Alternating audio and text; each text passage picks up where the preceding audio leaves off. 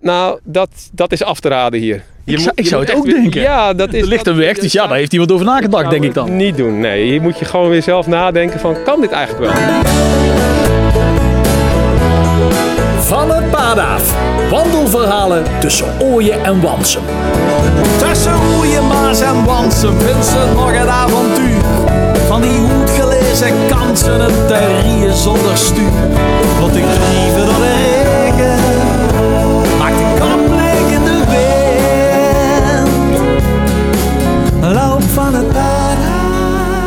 Hoi, ik ben Frans van het af. en ik ben gevraagd om het verhaal te vertellen over het bijzondere gebied Ooie-Wansum in Noord-Limburg. En dat ga ik doen aan de hand van een wandeling. Nat, nat, nat.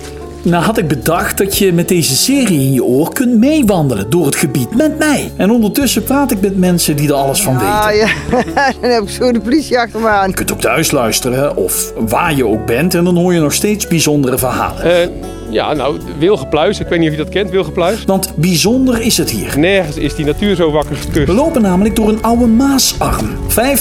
15.000 jaar geleden stroomde hier waar het nu zo groen is, de Maas. En sinds kort heeft de rivier die ruimte weer terug. Tenminste als dat voor hoogwater nodig is. Dan stroomt het hier vol.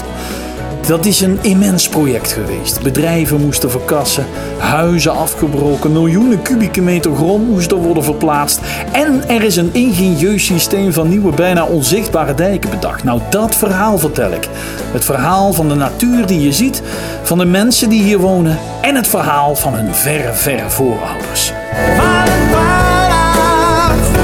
Dus ik zou zeggen, trek de wandelschoenen aan en loop mee en luister. Van het pad af. Ik hoop alleen niet dat er te veel koeien komen.